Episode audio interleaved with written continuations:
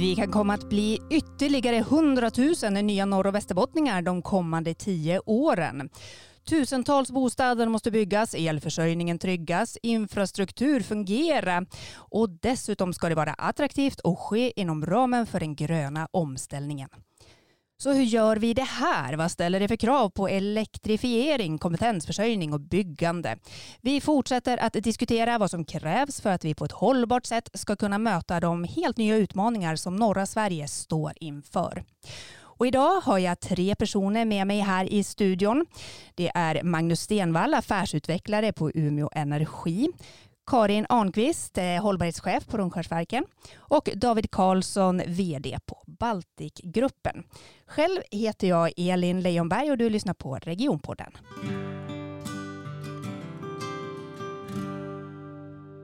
Välkomna till studion. Tackar. Tack så mycket. Kul att ha er här. Hörrni, Peter Larsson, som är regeringens samordnare för norra Sveriges samhällsomvandling. Han har varit med i den här podden några gånger. Och han spår 100 000 nya norr och västerbottningar inom tio år. Vad säger ni om det? Välkommen säger jag. Det är ju ett angenämt problem att vi ska bli fler. Eh, för vi har ju vänt nu på den trend som vi annars har förväntats ha. Men det är ju utmanande, men det är ju framförallt jättekult och skoj. Så klara, det kommer vi klara tillsammans. Det är också en stor geografisk yta på de här 100 000. Så att vi behöver inte vara rädda att alla ska bo i bygdeo. Mm. Vad säger du David? Ja, men det är ju ett fantastiskt läge. Vår syn på när vi har jobbat med utvecklingen i Umeå är ju att det, det ges sådana förutsättningar när det finns en tillväxt. Norrland har ju inte haft tillväxt som helhet på så länge. Och det behövs verkligen för att få en större arbetsmarknadsregion och få fart på hjulen. Och just det, det som är så viktigt med hållbar tillväxt är ju att, att ska man nå det så måste man nyttja det befintliga som finns. Och har man då en rörelse framåt, det går inte att styra en bil som står stilla, så finns det ju sådana möjligheter att, eh, att skapa en, en hållbar utveckling.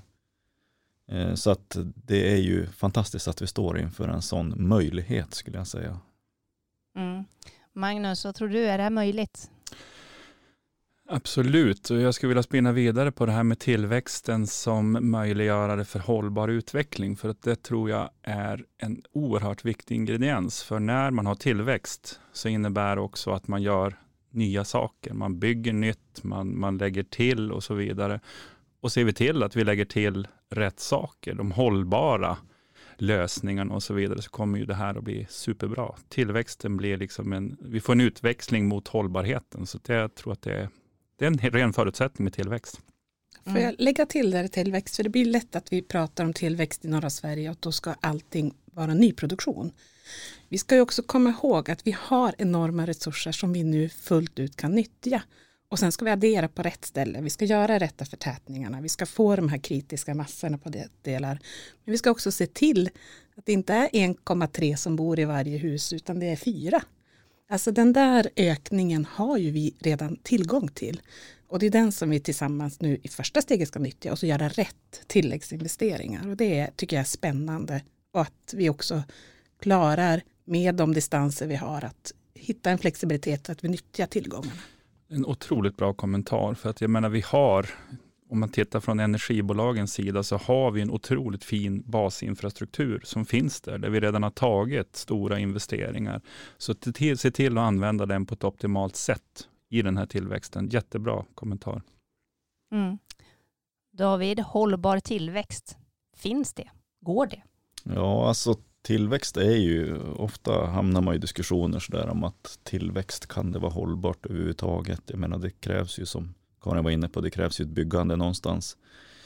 Och jag menar på att kan man nyttja de här hjulen som snurrar till att få eh, till att vi blir hållbarare per capita, alltså nyttja det Magnus är inne på också med hållbara, den infrastruktur som redan finns. Och det är inte bara fjärrvärmeledningar, bredband och el, utan det är även parker och mobilitetsanläggningar som redan finns eller supercykelvägar som redan finns eller som i Umeå där vi redan har två tågstationer och är riggad för långt mer än 130 000.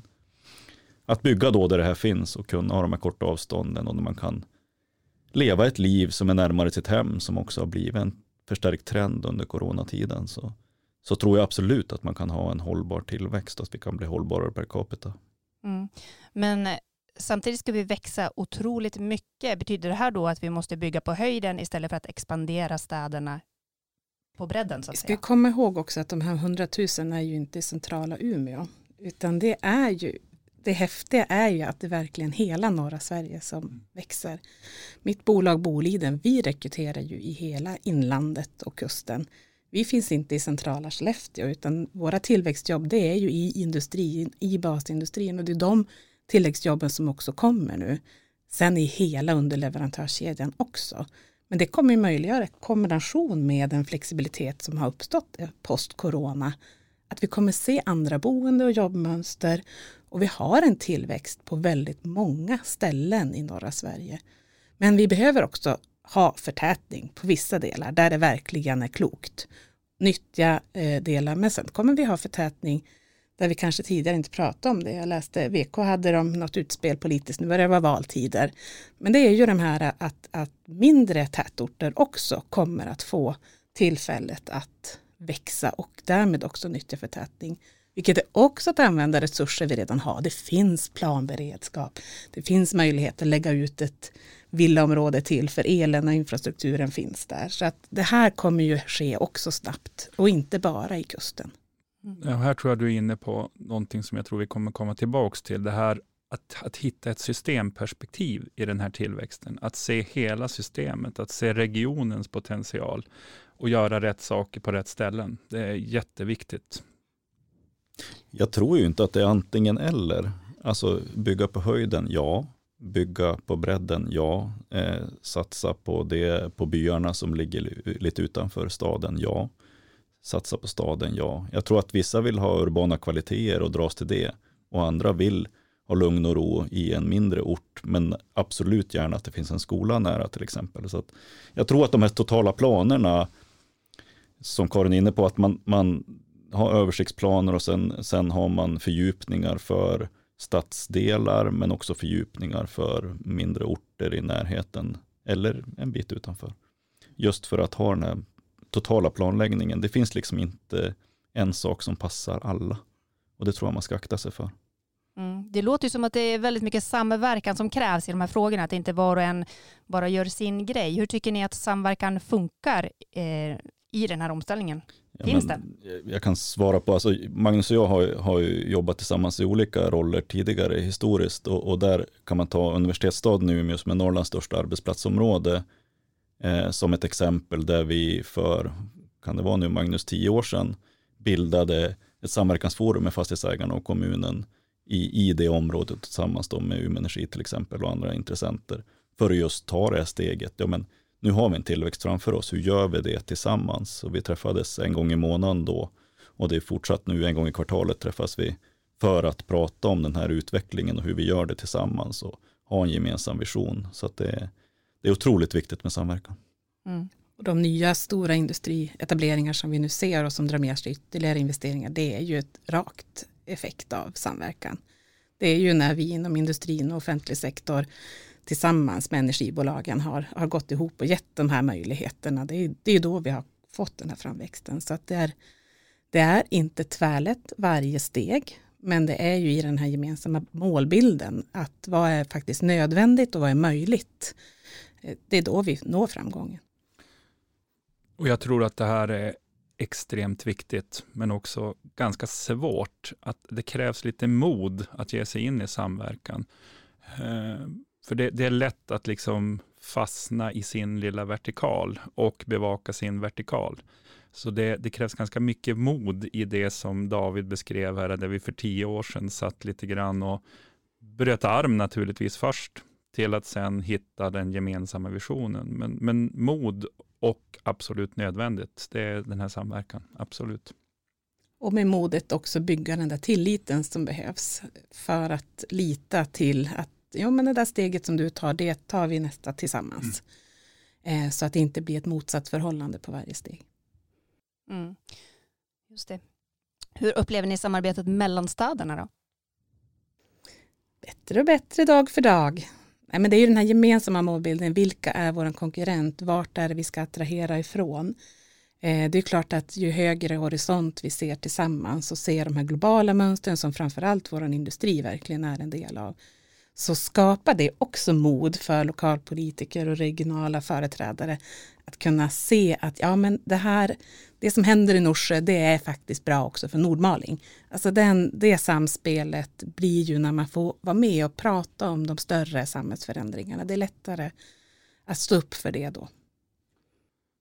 Och det är naturligtvis en relevant fråga, för vi har ju en historia med oss där det inte har varit en självklarhet i den här samverkan mellan städer och så vidare. Men jag, jag håller med Karin att jag tycker varenda dag så ser jag nya exempel på faktiskt där det här, vi tar steg. Vi pratar med varandra, vi hittar liksom sätt att tillsammans optimera olika frågor och så vidare. Så att vi är definitivt på väg.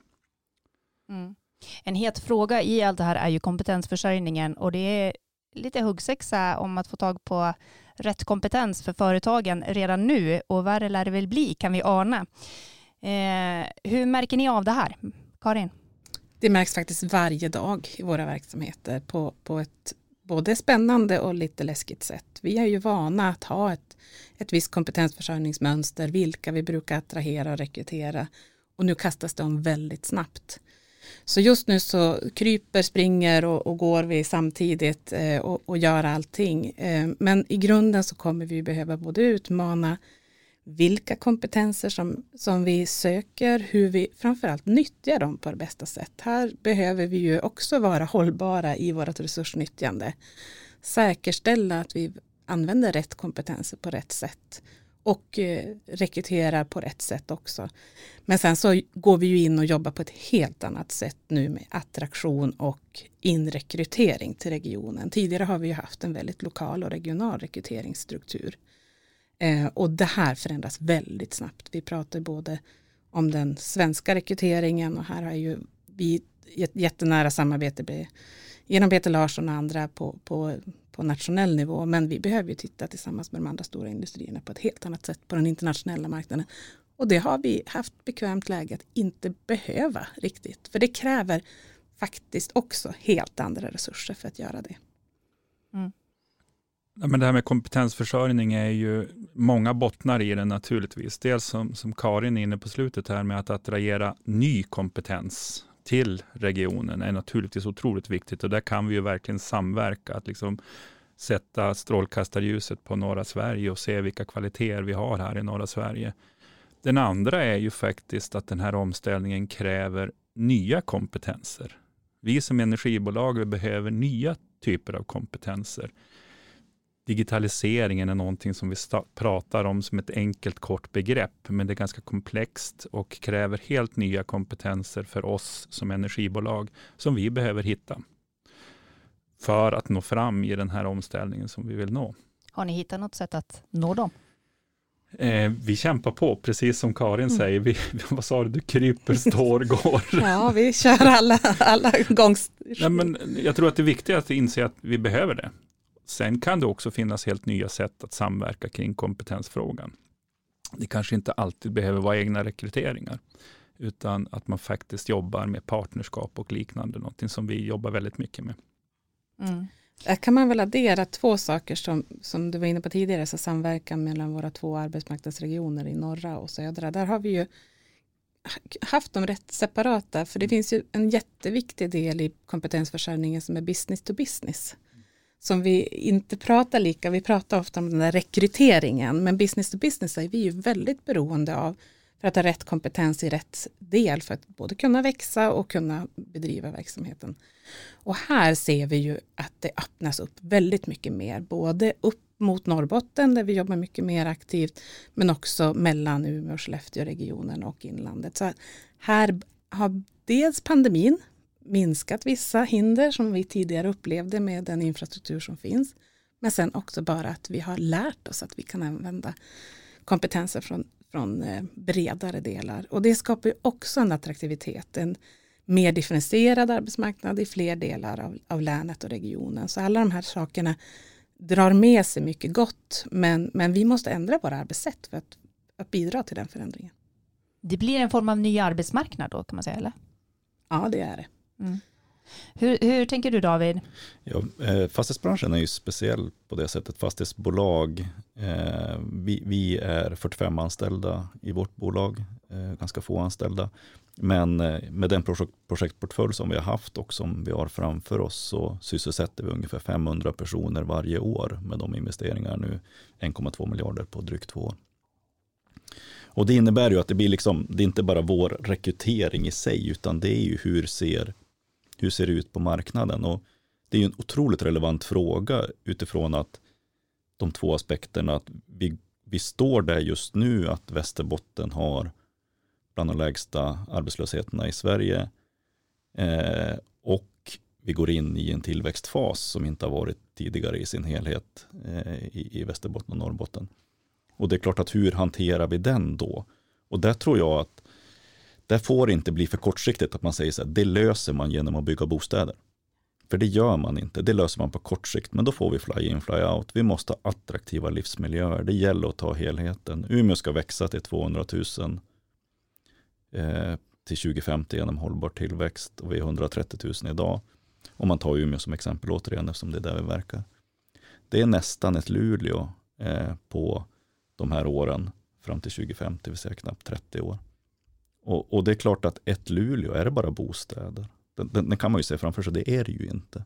Det är ju idrottsplatser, det är idrottshallar, det är parker, det är cykelvägar, det är mobilitetsanläggningar, det är tågstationer. Det är så mycket mer i en stad. Och det här handlar om att tänka till. Hur bygger vi en attraktiv livsmiljö? Det är för enkelt svar att säga att vi ska bygga x antal bostäder per år. Så jag tror att där, där ligger väldigt mycket att våga se det långsiktigt. Hur bygger vi en attraktiv livsmiljö? Och som sagt, det finns inte ett svar på den, utan det finns många svar på den.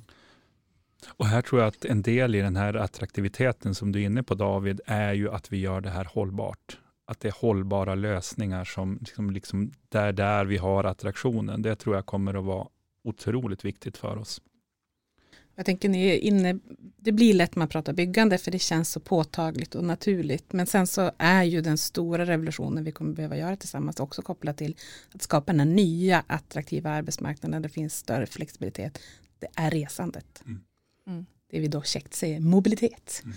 Och du säger mobilitetshubbar, eller, ja, men vi jobbar ju jättemycket lite var för sig på det, men, men att få till den flexibiliteten och den attraktiviteten i vårt län och vår region kommer vara oerhört viktigt.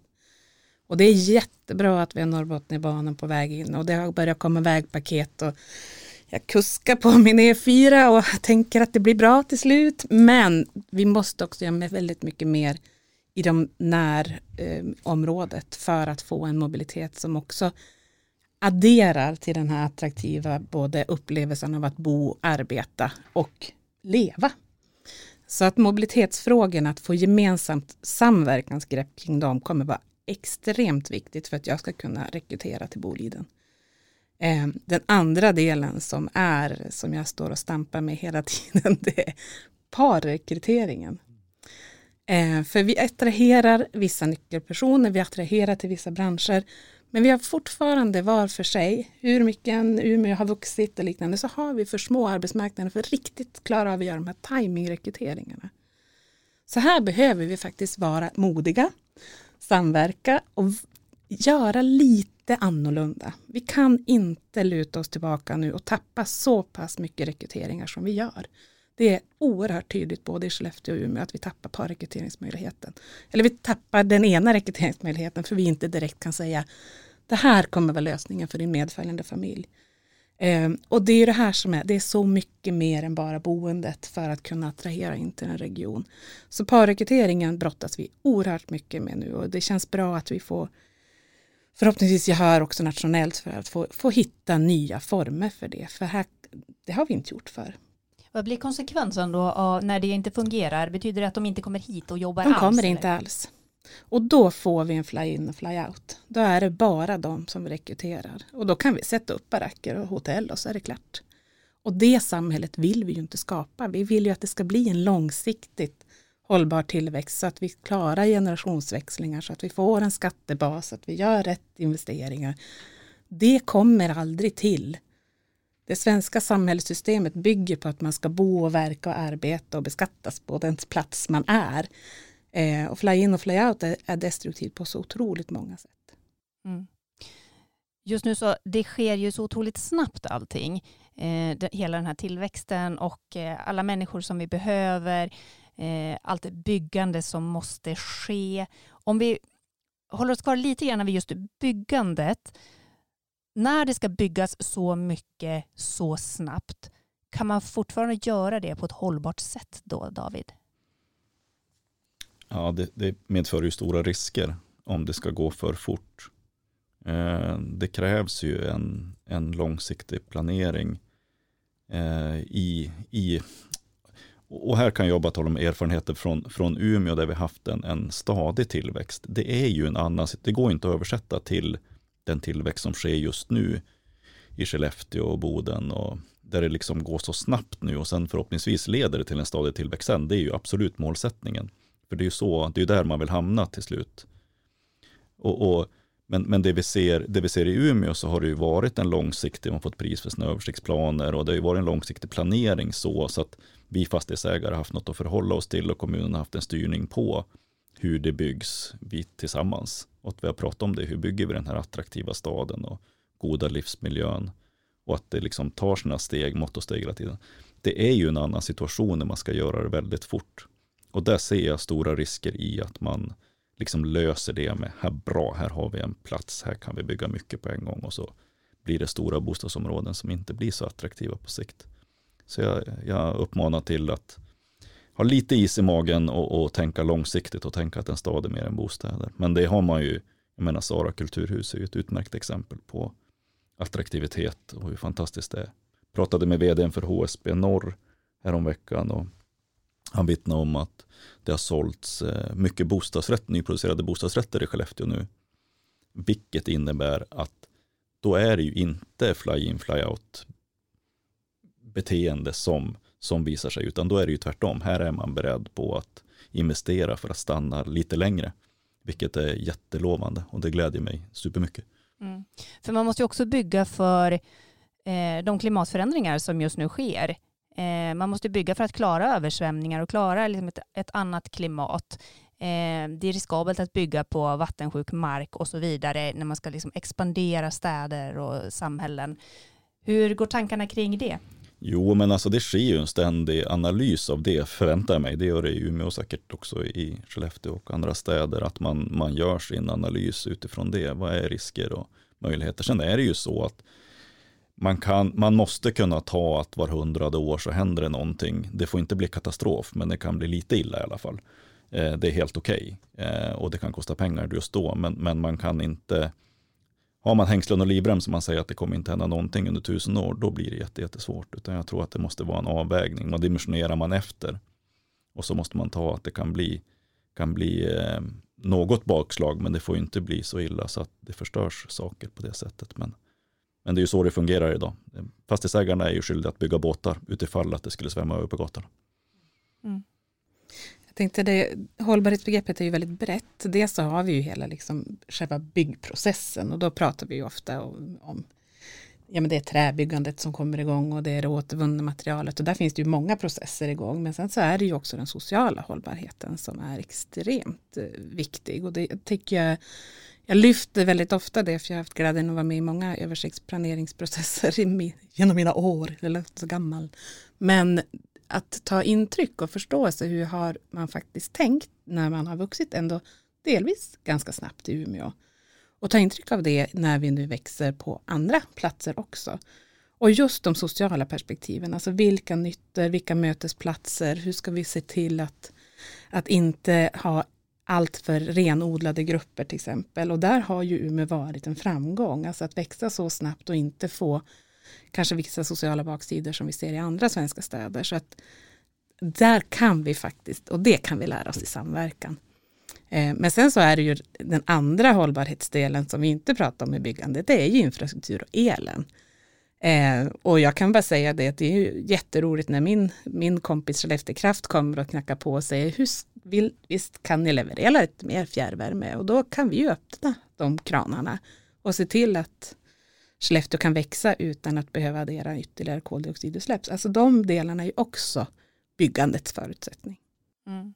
Hur hänger eh, elmarknaden med i den här utvecklingen?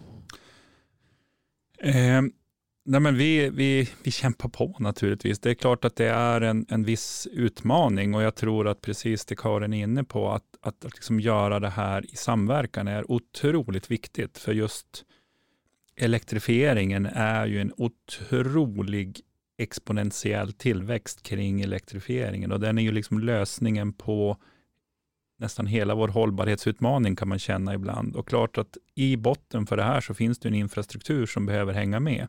Så här kommer det att krävas, både som David är inne på, lite långsiktig planering, men också enormt mycket samverkan och att hitta de nya lösningarna som faktiskt också bidrar till att vi kanske inte behöver investera exakt som vi har gjort tidigare. Så, så eh, viktig fråga att jobba tillsammans med.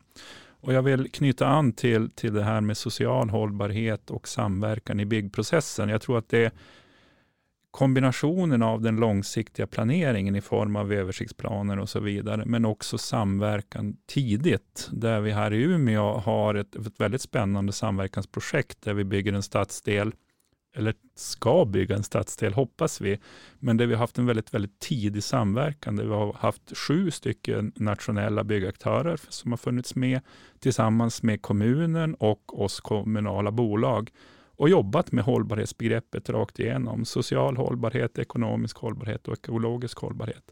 Hur ser en stadsdel ut om man strävar emot den gemensamma visionen? Och det är Tomtebostrand då som du syftar på? Tomtebostrand, precis. Eh, och, och, vi har lärt oss enormt mycket av varandra. Återigen, det har varit utmanande, det har krävts mod. Vi har inte alltid varit överens och sams i våra diskussioner, men vi, vi möts och vi lär av varandra. Och vi tar också, i och med att det är nationella aktörer som finns med, så lär vi oss från andra ställen i landet också. De tar med sig sina erfarenheter ifrån Stockholm, Mälardalen, södra Sverige hit upp till Umeå och vice versa. Så det, samverkan är otroligt viktigt för att lyckas med det här. Mm. Vi har ju haft en vinter här nu med enormt höga elpriser eh, och energimarknaden har börjat diskuteras. Ska el, om elområdena vara kvar som de är? Kommer vi att hamna i en situation där elen i Norrland blir dyrare än vad vi är vana vid och så vidare. Tror du, Magnus, att det här kommer att kunna påverka viljan för att etablera sig här? Naturligtvis så är det här ju en otrolig USP, att vi har den gröna energin här uppe i norra Sverige och det är klart att det har varit en av de absoluta drivkrafterna till det vi ser händer i Skellefteå, Luleå, Boden etc den gröna energin är ju otroligt attraktiv och att vi har den nära inpå. Absolut, men det kommer ju behövas ytterligare. Vi behöver titta över andra produktionsslag. Vi måste titta på de förnybara produktionskällorna och där behöver vi också hjälpas åt. Det är vindkraft och det är alla möjliga lösningar som måste till. Hur mycket kommer vi att eh, behöva liksom bygga ut för att klara den här tillväxten närmsta 10-15 åren? Ja, det törs jag inte ge mig på någon siffra. Det finns säkert någon som har någon siffra på det, absolut. Men, men jag tror att det är en aspekt att ha med sig, absolut. Vilka strategier finns det då?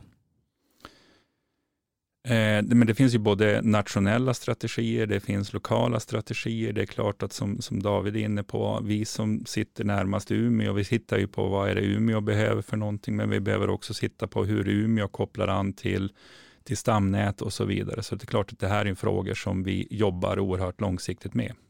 Mm. Jag tycker det är viktigt när man pratar energi, det blir ibland så att vi pratar om hushållens energibehov samtidigt som vi pratar om basindustrins mm. enorma både utveckling och framtida industribehov. Och här behöver vi liksom sätta, det finns energiutveckling i ett europeiskt, svenskt perspektiv och där sitter basindustrin ihop med det. Mm. Här är eh, kris i Putins lilla nycker påverkar lika mycket som zoner och liknande. Så att här behöver man liksom, det är klart att det finns en nationell, en europeisk energipolitik som påverkar industrins och också då de lokala regionala investeringarna. Men sen så har vi ju hela arbetet med nätöverföringskapaciteter, hela arbetet som är jättehäftigt som nu sker parallellt med storage, alltså helt enkelt hur ska vi ha en stabilitet och jämna ut våra nät. jag använder ganska mycket energi på dagarna ute på Bolidenrancher. Och det, det behöver ju balanseras mot det övriga, både nationella och regionala nätet. Så det är ju enormt många lager i att bygga om energisystem. Um, men samtidigt så är det ju häftigt att det har ju aldrig stannat upp i den svenska industrin att jobba med energieffektivisering. Alltså, det är ju svensk industri hur bra som helst på. Jag har uppdraget nu att sänka våra CO2-utsläpp 40% ytterligare. Vi ligger liksom bäst till bland våra konkurrenter, men det är uppdraget från vår ledning. Men samtidigt sänka vår energiåtgång på, med 5% Så att trycket, det interna trycket inom energidelarna föder en massa delar och därför är det initiativ kring ammoniak och väte och hur ska vi lagra och hur ska vi balansera mot varandra. Så att det här är ju också en del eh, som görs, men det kan aldrig göras i en lokal kontext, utan då görs den regionalt, nationellt och europeiskt. Vilka typer av lösningar ser du då framför dig? Men vi kommer ju vara i en, i en sökande period eh, och industrin kommer behöva göra det här tillsammans. Då är det ju energibolagen i det svenska systemet och tillsammans med de nationella delarna. Sen är ju EU-kommissionen självklart en spelare i det här och vi har andra stora eh, energibehov som nu ska balanseras när vi ska gå framförallt i, i lämna det fossilfria. Så att det här är ju, det är ju ett gemensamt kliv vi kommer ta och det som ju det också drar med sig som påverkar våra två regioner det är ju att det här kräver ju enorma mängder metaller. Vi pratar som om energi, att då slänger vi ut lite elektroner och så är det någon som plockar upp dem på vägen. Det här är ju koppar. och då råkar ju vi ha ett av Europas största kopparsmältverk i, i länet och det var ju fiffigt att vi fanns. Men alltså det drar med sig väldigt mycket andra materialbehov och då balanser och hållbarhetsfrågor. Så att de här energistrategierna, klimatomställningsstrategierna, överföringsdelarna, alla de här delarna drar, emot, drar med sig och ger både förutsättningar men också nya konfliktpunkter som eh, utmanar våra, eh, våra län men också ger massa möjligheter. Mm. När hela bilflottan sen ska elektrifieras, hur kommer det här att påverka energitillgången, Magnus? Eh, elektrifieringen kring, kring både, alltså runt mobiliteten är ju naturligtvis otroligt bra ur ett hållbarhetsperspektiv. Eh, men den har också naturligtvis, som du pekar på, vissa utmaningar. Eh, och då kopplar du an till det Karin är inne på. Alltså vi måste se helheten eh, och samverka och naturligtvis effektivisera på de ställen där det går att effektivisera. Förnyelsebar produktion behöver kom, komma till in i systemet. Men just bilarna är ju spännande också utifrån att eh, man pratar ibland om vehicle to grid, det vill säga att, att inte bara ladda till bilen utan även ladda ifrån bilen. Alltså det rullar ju runt enormt mycket lagringskapacitet i våra bilar som Karin var inne på förut. Så, så bilarna behöver inte bara vara en vad ska jag säga, en, en energislukare, utan de kan också vara ett sätt att effektivisera systemet genom att man faktiskt laddar ur dem på vissa tider på dygnet och så vidare. Så att elektrifieringen av mobilitet, oerhört intressant och jättemöjlighet. Mm. När ni bygger, David, hur tänker ni kring mobilitetsfrågan då? Ja, man kan ta, nu var så, så många frågor samtidigt här, men, men tänkte utifrån mobilitet är ju en sak, men också utifrån energi som vi pratar om nu. Vi är ju i förbrukningssidan, eller fysikaliskt korrekt omsätter vi energi då. Men, eh, och då kan man ju tycka att ja, men där är vi, men det är precis som Magnus är inne på med bilar, så är också fastigheter någonting som kan lagra energi och använda i olika tider också. Så att vi har ju samarbete med Umeå Energi och förlitar oss på deras expertis då, att hur kan vi när vi bygger eh, områden just nyttja våra fastigheter, att de används olika tider på dygnet. Och det är där också, för att koppla på social hållbarhetsperspektivet, som vi jobbar mycket med i, utifrån att få trygghet. Och att ett område, en stad, lever fler timmar på dygnet. För det är faktiskt det, det är upplevd trygghet i att det finns andra människor. Klippta buskar i all ära och belysning, men, men människor spelar så stor roll. Och Östra station, på kopplat till Tomtebo strand, och så Östra station som vi bygger nu, är ju en blandning med det är gym, det är restaurang, det är livsmedelsbutik, eh, det är hyreslägenheter, det är bostadsrätter, det är kontor, en tågstation bredvid Norrlands största arbetsplatsområde, som sagt universitetsstaden precis jämte. Eh, och det är ju den här blandningen som gör eh, en trygg stad och som är en viktig del i social hållbarhet. Och så till din fråga nu med, med mobilitetsanläggning eh, eller hur vi hanterar mobilitet så är det ju mycket samverkan tillsammans. I Umeå finns det ett kommunalt parkeringsbolag som heter UPAB och som är experter på de här frågorna och som vi jobbar tillsammans med. Hur kan vi, om vi bygger en parkeringsanläggning på 400 platser, det är så viktigt med den här blandstaden då för att få olika tider på dygnet och möjligheter till att det blir en sammanlagring så man slipper bygga en så stor anläggning. Men också hur kopplar vi på den med trafikslag som ja, men kopplat till om man kommer med flyg så ska det vara enkelt att byta typ av färdsätt i den här mobilitetsanläggningen på ett bra sätt till cykel eller till vad, vad det nu är för någonting eller om det är en, en sparkcykel eller vad det kan vara. Eh, och just ha den här, det här system, systemtänket. Och det var faktiskt apropå samverkan. Så Karin kontaktade oss och kom ner till Umeå då. Det var ett mm. glapp i, i pandemin. Ja. kom ner och pratade just om det här utifrån samverkan Skellefteå-Umeå. Alltså hur, hur tänker ni kring mobilitet och hur kan vi prata om att göra den här större arbetsmarknadsregionen tillsammans utifrån infrastruktur och tänk med olika tekniska hjälpmedel för att lösa mobilitetsutmaningen med att få en sammanlagring och överlagring. Har ni kommit någonstans i den diskussionen då? Jag tror vi mognar och egentligen så är det här typiskt område där vi bara måste börja prata och faktiskt erkänna att vi inte har lösningarna på plats. Och det väcker ju också den stora, stora möjligheten som vi verkligen måste se till och det är att låta innovationen flöda nu i det här.